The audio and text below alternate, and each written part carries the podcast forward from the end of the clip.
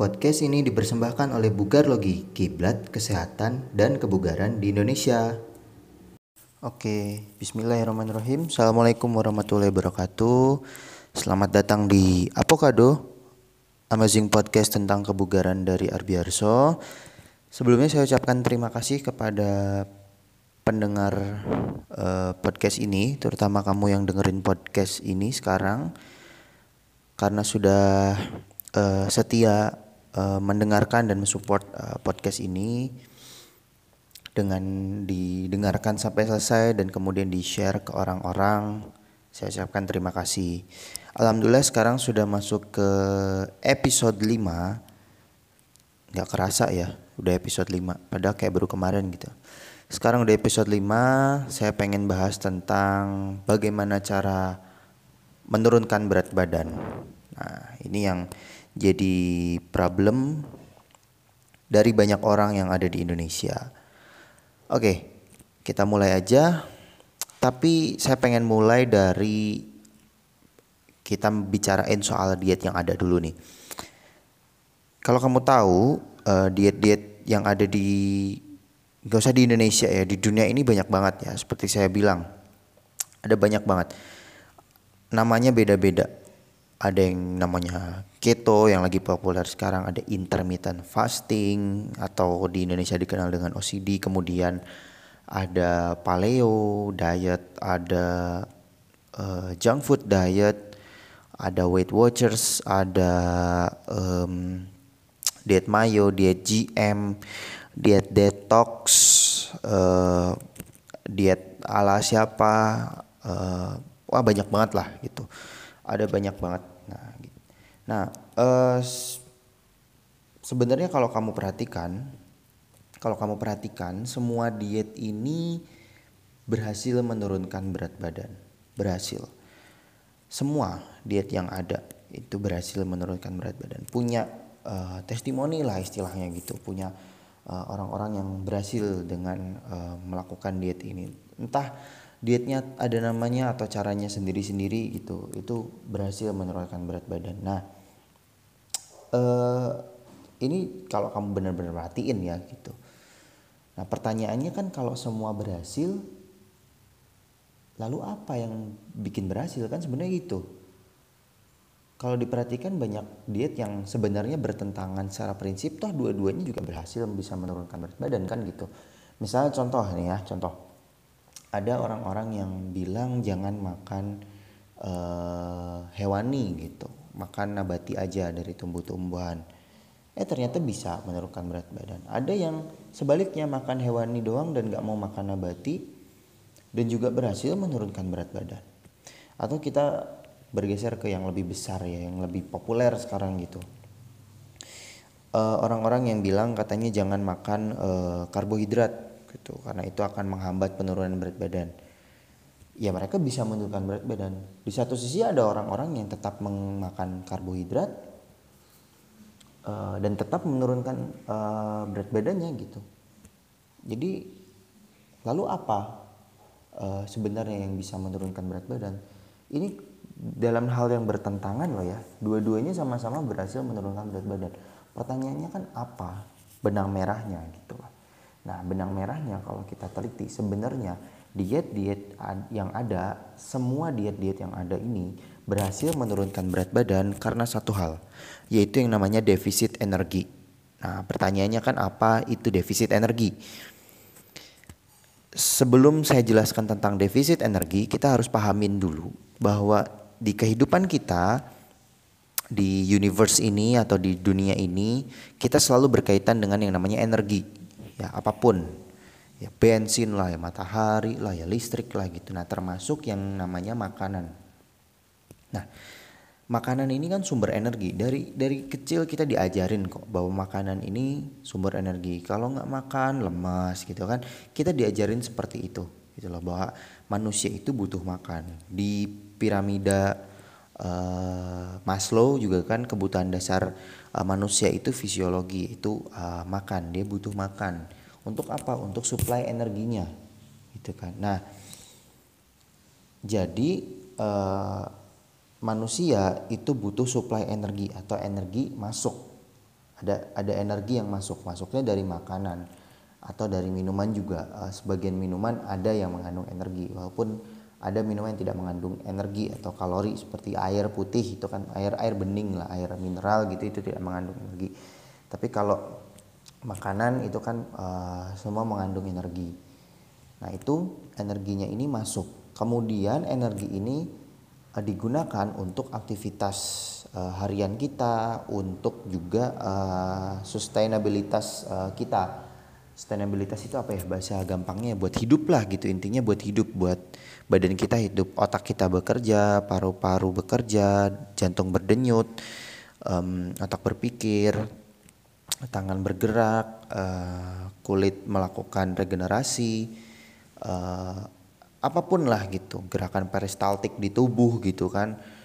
Uh, lambung ngeluarin en, apa ngeluarin HCl itu semua butuh energi dan itu disuplai dari makanan. Jadi makanya tubuh kita itu punya uh, jalur energi masuk dan jalur energi untuk keluar atau digunakan ya gitu.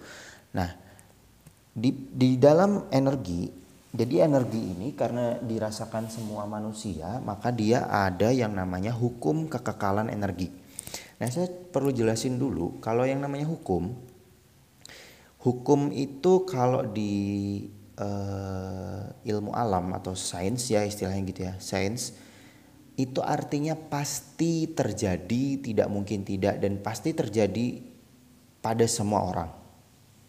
Pada semua orang, tidak tidak terbatas agama, tidak terbatas uh, dia tahu atau enggak, dia sadar atau enggak, dia sukunya apa, dia warna kulitnya apa enggak. Yang namanya hukum itu pasti terjadi.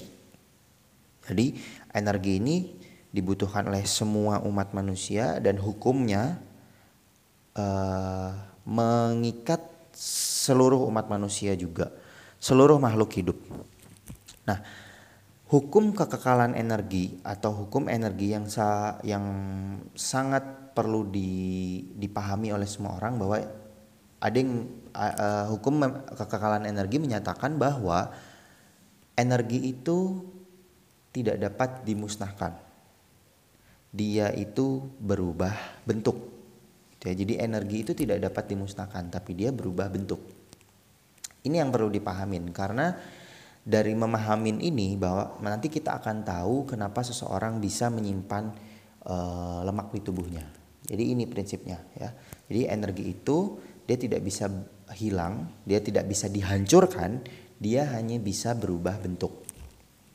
Nah, eh, tadi kita sudah pahamin bahwa eh, manusia punya jalur energi masuk dan jalur energi keluar atau jalur energi digunakan.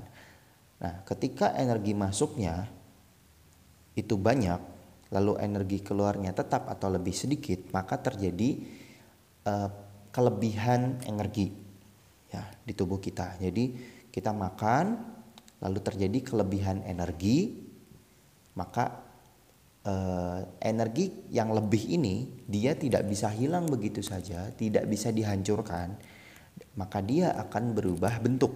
Nah, berubah bentuk menjadi apa? Jadinya salah satunya jadi lemak di tubuh kita walaupun sebenarnya pada dasarnya dia akan jadi apa pun yang ada di tubuh kita gitu. Dia bisa jadi uh, uh, tulang, dia bisa jadi otot, dia bisa jadi uh, kulit, dia bisa jadi uh, organ, terutama itu untuk protein ya. Tapi kelebihan energi di tubuh kita itu paling mudah dirubah menjadi lemak. Paling mudah di, uh, dirubah menjadi uh, lemak di dalam tubuh gitu. Makanya kita waktu dulu dikasih tahu apa fungsi lemak di tubuh. Salah satu fungsinya uh, adalah uh, sebagai cadangan energi ya kan kemudian sebagai bantalan organ gitu kan itu salah satu fungsinya gitu jadi makanya orang-orang yang uh, kelebihan berat badan atau gemuk lah istilahnya ya kelebihan lemak di tubuhnya itu pada dasarnya ada mereka kelebihan uh, energi atau kelebihan cadangan energi di tubuhnya itu jadi uh, itu yang perlu dipahamin dulu ya Nah, karena lemak itu cadangan e, energi di tubuh, nah bagaimana menggunakan cadangan ini? Saya kasih uh, sebuah gambaran.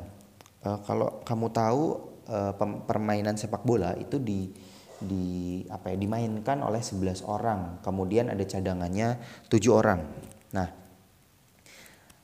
cadangan ini bisa main hanya jika pemain intinya itu sudah keluar lapangan. Ya keluar lapangan. Digantikan baru pemain e, cadangan ini masuk. Jadi pemain yang di dalam ini harus keluar dulu baru pemain cadangan bisa masuk. Gitu Ya, jadi cadangan ini prinsipnya cadangan ini bisa main hanya dan hanya jika si pemain intinya itu keluar. Kita kita tarik baru pemain cadangan akan masuk. Saya kasih gambaran yang lebih jelas lagi.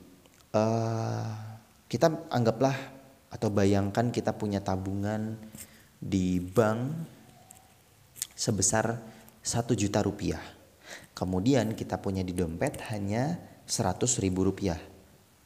Lalu kita pengen beli barang harganya 200 ribu rupiah.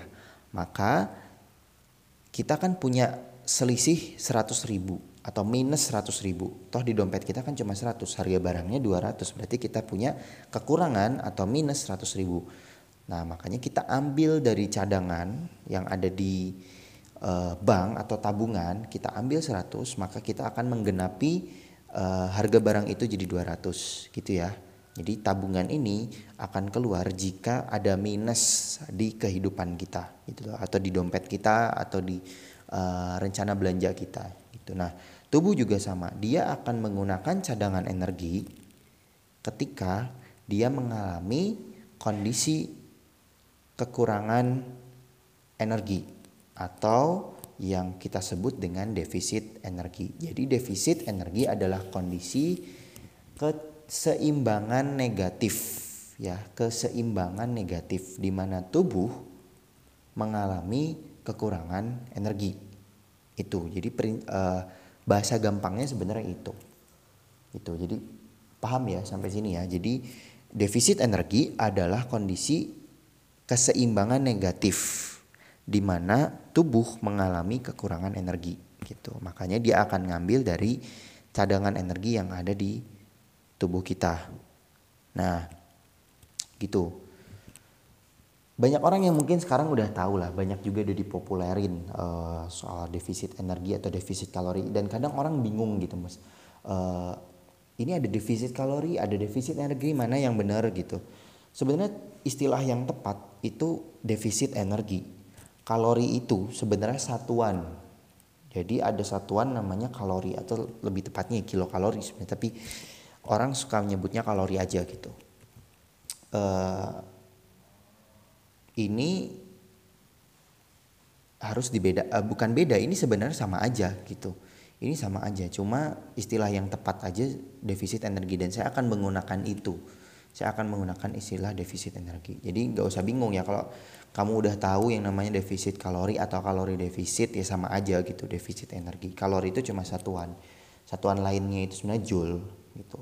Kamu mau ngomong joule defisit atau defisit joule juga boleh-boleh aja terserah. Tapi istilah yang umum atau istilah yang tepat itu sebenarnya yang lebih tepat sebenarnya itu defisit energi gitu. Jadi nggak usah nggak usah bingung ya kalau udah tahu yang namanya defisit kalori. Nah bagaimana caranya sekarang kita mengalami defisit energi. Uh,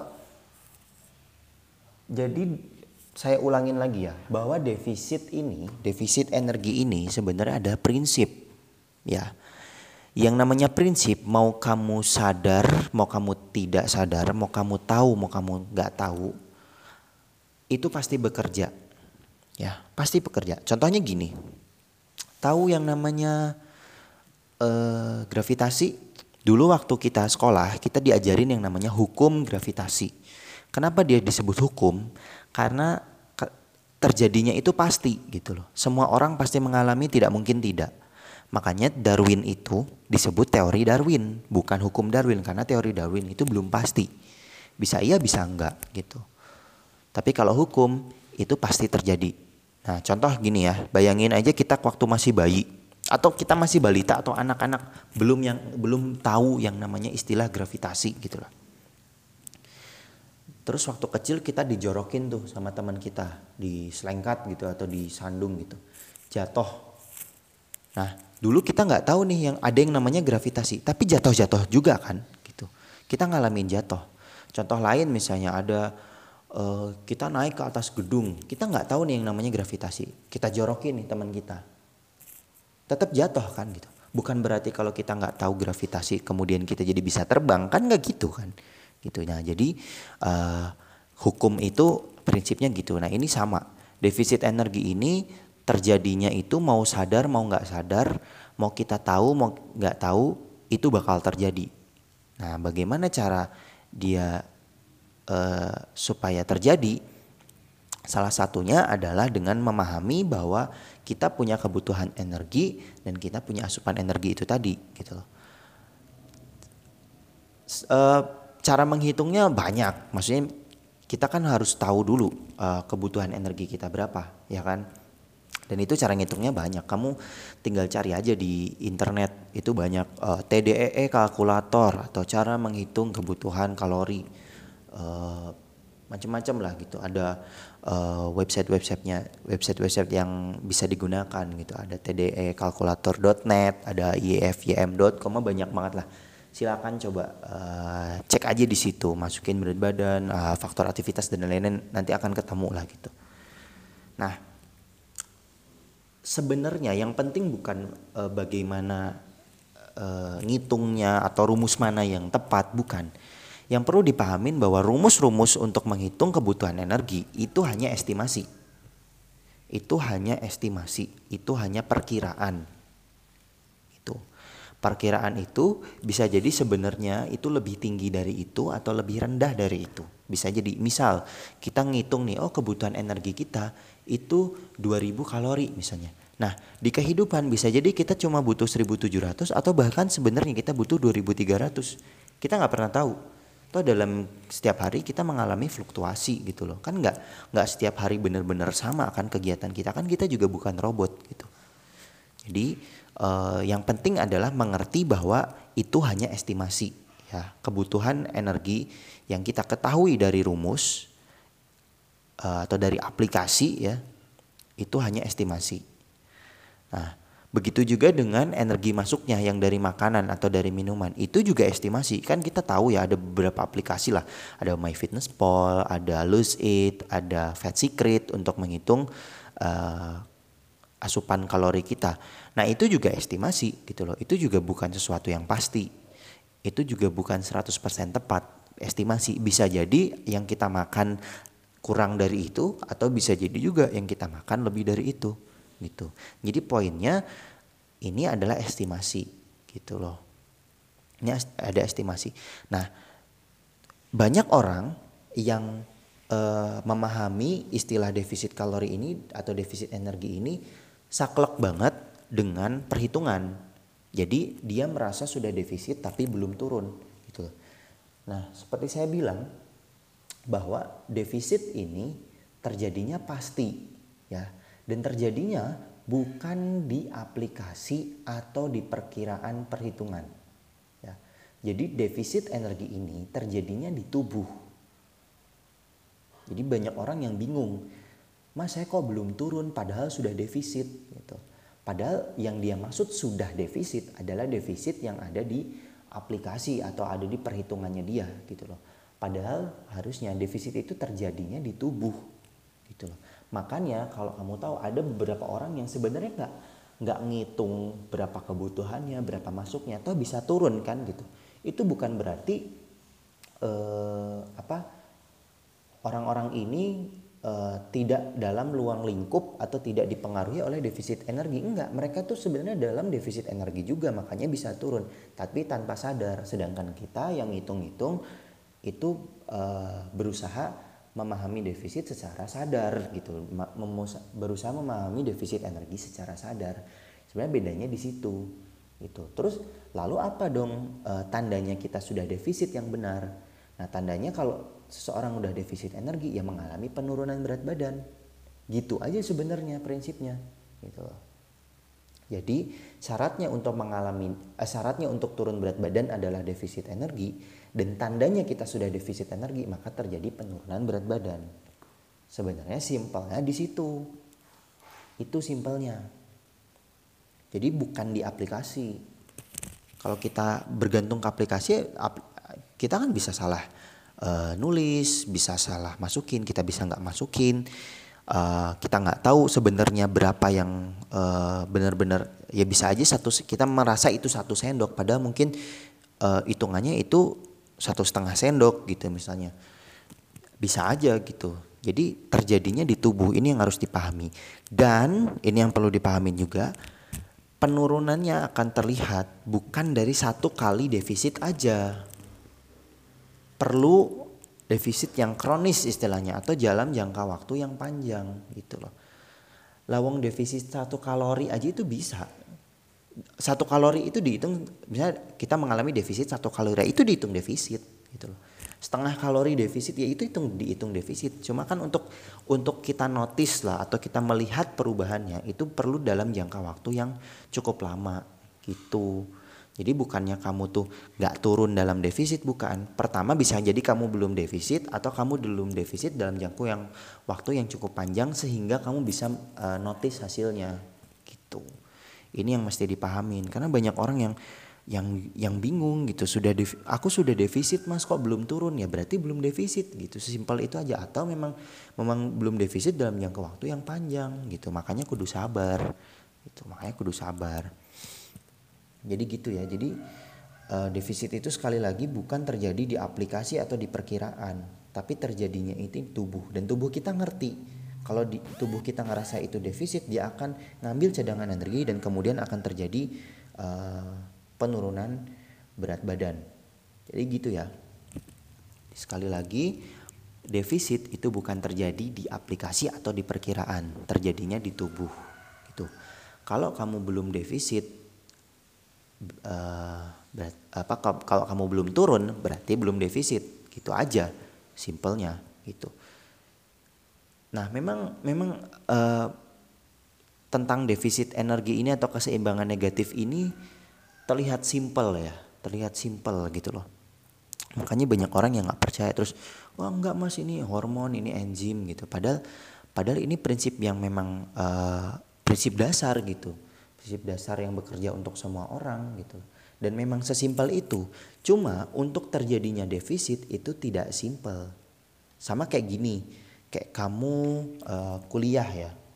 Uh, mudah-mudahan ini pendengar saya pernah meng, pernah uh, kuliah. Jadi bisa relatable ya uh, metafora atau perumpamaan saya ini. Kalau kita tahu uh, syarat untuk kumlot, nah, syarat untuk kumlot itu eh, IPK-nya di atas 3,5 lah. Ada yang bilang 3,4, ada yang bilang 3,5. Tapi eh, sepemahaman saya seseorang itu disebut kumlot ketika IP-nya di atas 3,5 biasanya di atas 3,5 anggaplah satu kampus ini mensyaratkan kumlot ini di atas 3,5. Nah, kan simpel kan, prinsipnya di atas 3,5. Di atas 3,5 kumlot, di bawah 3,5 nggak kumlot. Sesimpel itu kan. Pertanyaannya apakah untuk bikin kumlot itu sesimpel itu? Enggak. Kita harus kuliah dulu, harus hadir, harus ngerjain tugas, harus ujian, ada skripsi, ada drama ketemu dosen, ada drama nggak bisa bayar kuliah, ada drama putus, ada drama males kuliah, banyak gitu loh untuk terjadi hal yang simpel itu tadi untuk cuma 3,51 di atas batas 3,5 itu tadi gitu loh. Nah, defisit energi juga sama. Ini prinsip yang simpel, tapi terjadinya itu tidak simpel. Terjadinya tidak simpel. Kalau dijelasin ini sangat panjang. Mungkin di episode berikutnya saya akan jelasin. Tapi yang perlu dipahamin sekarang adalah bahwa tubuh ini, tubuh kita itu bukan mesin yang statis, tapi mesin yang sangat dinamis gitu loh. Jadi bukan oke okay, kebutuhan 2000 dikurangin 500 uh, dikurangin 500 uh, dikurangin 500 jadi uh, kebutuhan masuknya 1500 gitu. Nggak nggak nggak gitu gitu loh. Tubuh akan selalu beradaptasi menyesuaikan dan tubuh berusaha mempertahankan uh, dirinya gitu loh. Jadi tidak tidak semudah itu untuk mencapai defisit energi gitu loh. Makanya ada orang-orang yang ngerasa sudah defisit padahal belum defisit. Karena memang tubuh uh, berusaha mempertahankan diri gitu loh. Makanya itu tadi saya bilang cirinya sudah defisit apa ya terjadi perubahan di masa tubuhnya terutama masa lemaknya itu aja intinya gitu. Jadi sampai sini paham ya? Jadi tandanya sudah defisit adalah terjadi perubahan berat atau perubahan masa tubuhnya gitu aja. Nah dan perlu dipahamin juga kalau nggak semua defisit ini sama nggak juga. Eh, nggak semua defisit itu benar nggak juga. Jadi belum tentu ketika kita mengalami penurunan berat badan itu dihasilkan oleh defisit yang benar.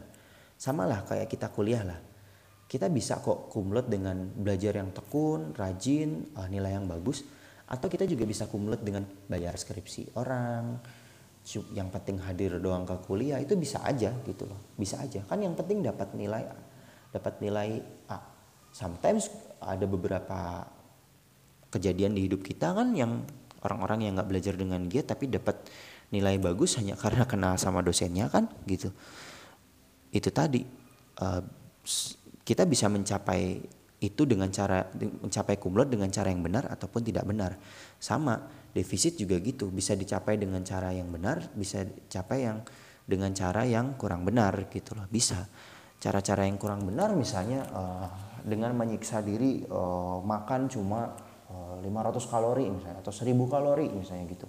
Ekstrim lah gitu. Atau ya sakit. Dengan sakit juga kita bisa kok turun berat badan nah, sakit itu kan menyebabkan defisit energi penyerapan di tubuh lagi nggak bagus gitu kan. Asupannya juga uh, tidak bagus gitu makanya terjadi defisit energi gitu.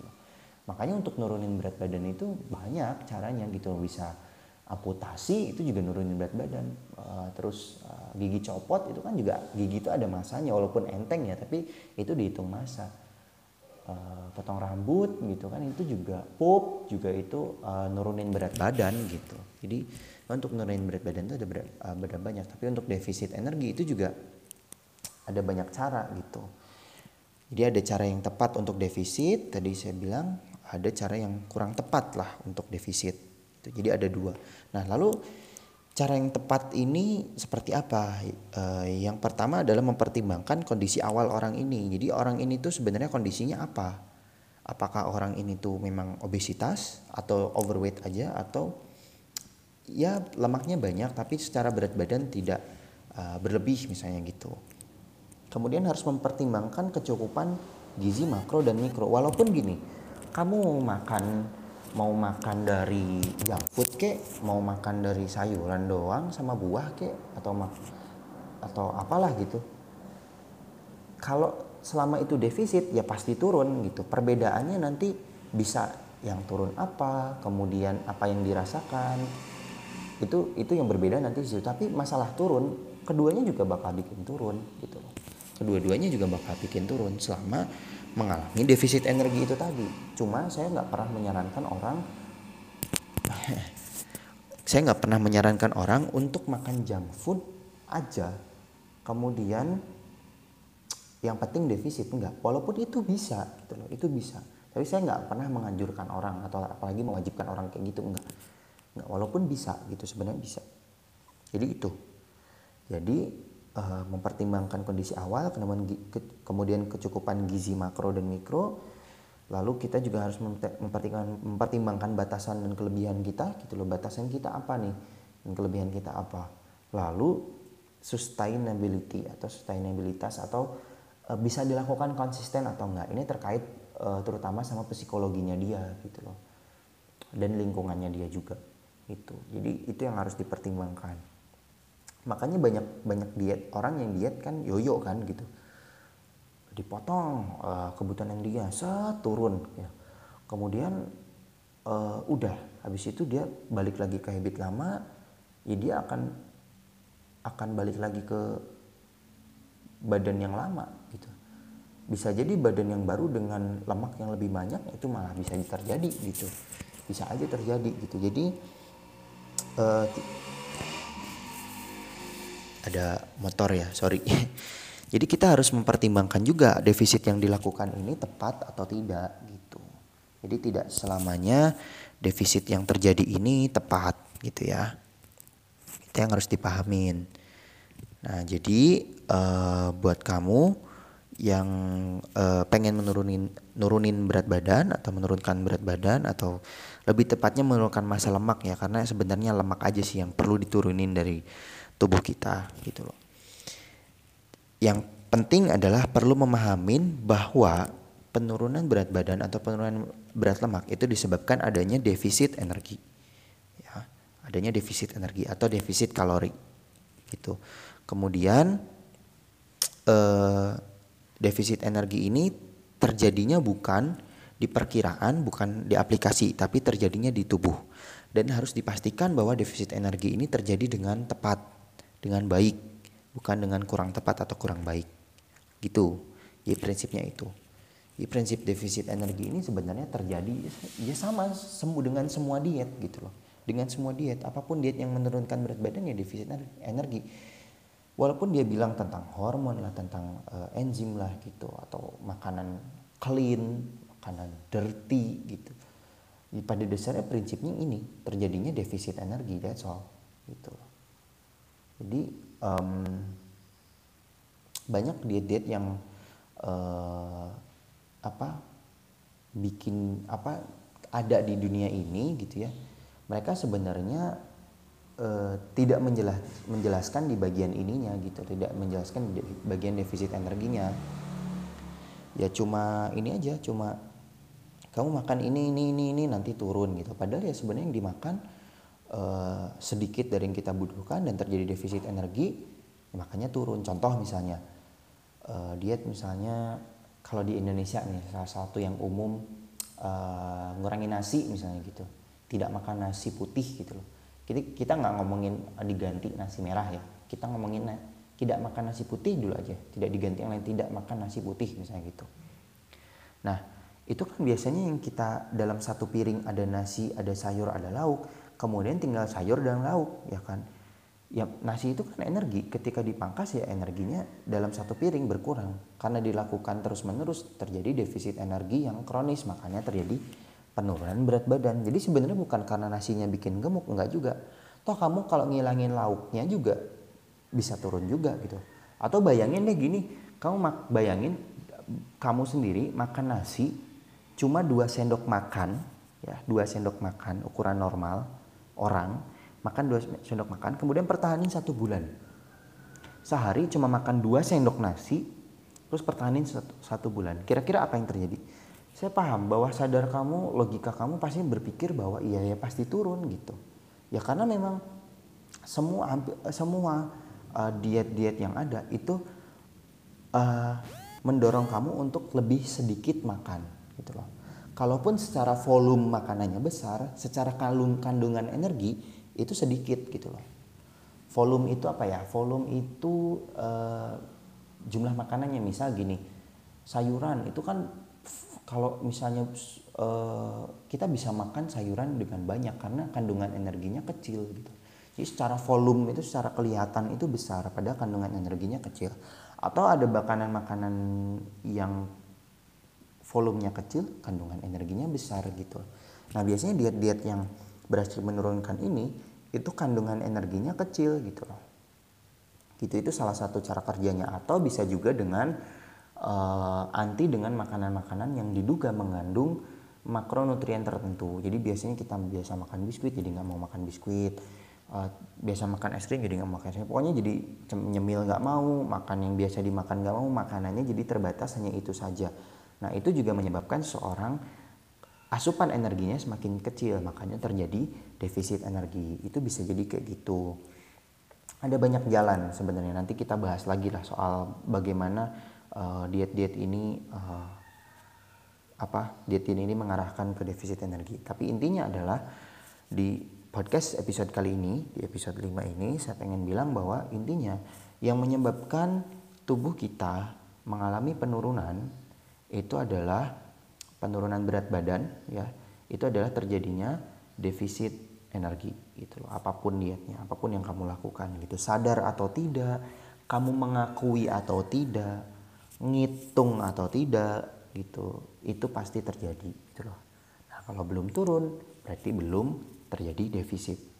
Itu itu itu penjelasan secara simpel. Nanti di episode-episode selanjutnya kita bedah lagi lah uh, apa namanya uh, kelanjutannya gitu. Jadi sebenarnya defisit ini tuh uh, bukan satu hal aja udah tapi ada beberapa aspek yang perlu kita pelajari. Tapi tadi sudah cukup tercover lah di episode kali ini ya gitu.